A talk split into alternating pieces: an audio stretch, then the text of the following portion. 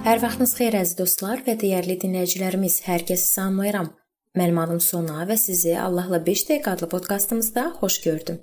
Bir neçə gün mən sizinlə təsir gücü haqqında danışmaq istəyirəm. Allah öz böyük hikmətinə görə bizi bir-birimizlə ünsiyyətə ehtiyacı olan ictimai varlıqlar olaraq yaradıb. Belə ünsiyyətin aspektlərindən biri də təsirdir. Biz başqalarına təsir edirik. Ətrafımızdakılar da bizə təsir edirlər. Təsir nədir?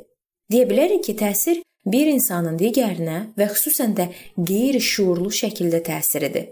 Beləliklə, təsirin digər insanlardan və bizim özümüzdən həyatımıza axan bir şey olduğunu deyə bilərik. Bir qayda olaraq təsir müsbət və ya mənfi, lakin nadir hallarda neytral olur. Təsir şuurlu ola bilər, amma çox vaxt biz qeyri-şuurlu şəkildə təsir edirik və təsir altına düşürük.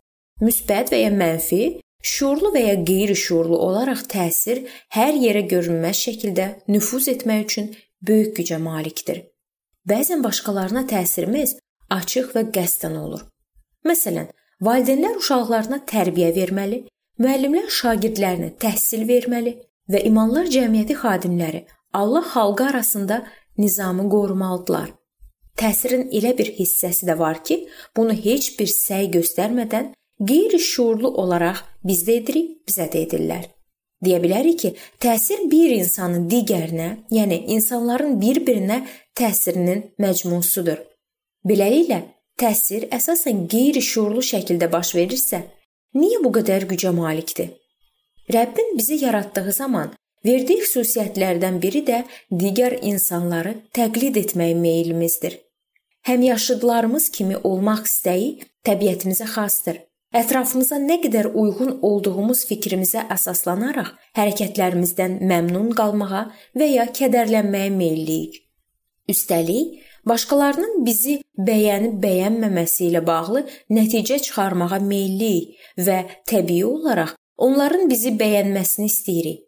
Bu səbəbdən ətrafımızdakı insanların bizə münasibətini yaxından izləyirik və onların rəğbətini qazanmaq üçün əlimizdən gələni edirik. Həyatımıza müəyyən bir təsirin olması sadəcə olaraq qaçılmazdır. İlk doğum günündən etibarən bizi bugünkü kimi formalaşdıran müxtəlif təsirlər axınına məruz qalırıq. Heç birimiz başqa insanlardan təcrid olunmuş şəkildə tək başına formalaşmırıq. Əgər kimsə daha müstəqil olmaq və daha müstəqil qərarlar verməyə başlamaq istəsə belə, Əslində o sadəcə bir təsiri digəri ilə dəyişmiş olardı.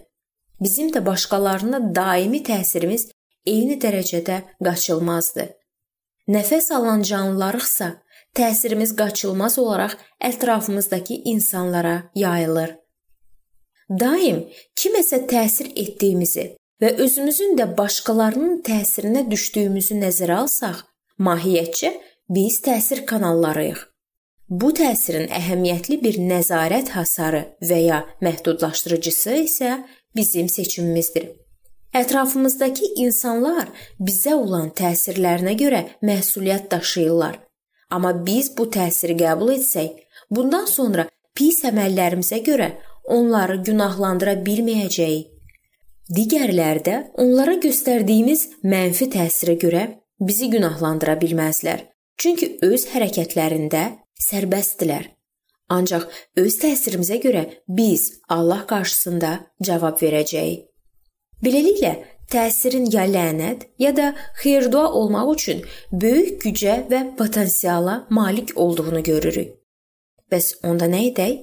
Öz təsirimizlə başqalarına necə xeyir-dua verə və başqalarının təsiri ilə necə yalnız xeyir-dualar ala bilərik?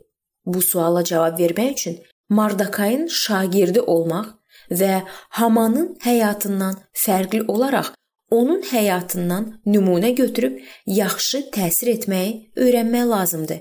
Və növbəti görüşümüzdə biz yaxşı təsirə malik olan insanların xüsusiyyətlərini nəzərdən keçirəcəyik.